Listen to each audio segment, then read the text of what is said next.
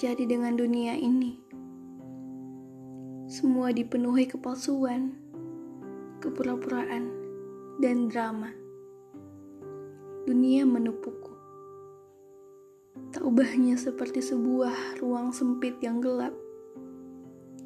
Memenjarakanku pada kebahagiaan yang menipu dan kesenangan yang semu menjadi racun yang merusak batin dan mengotori pikiran-pikiran waras.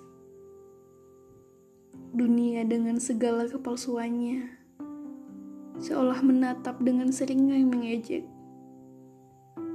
Telah beralih menjadi panggung sandiwara, tempat di mana orang-orang memakai topengnya lalu mulai berakting.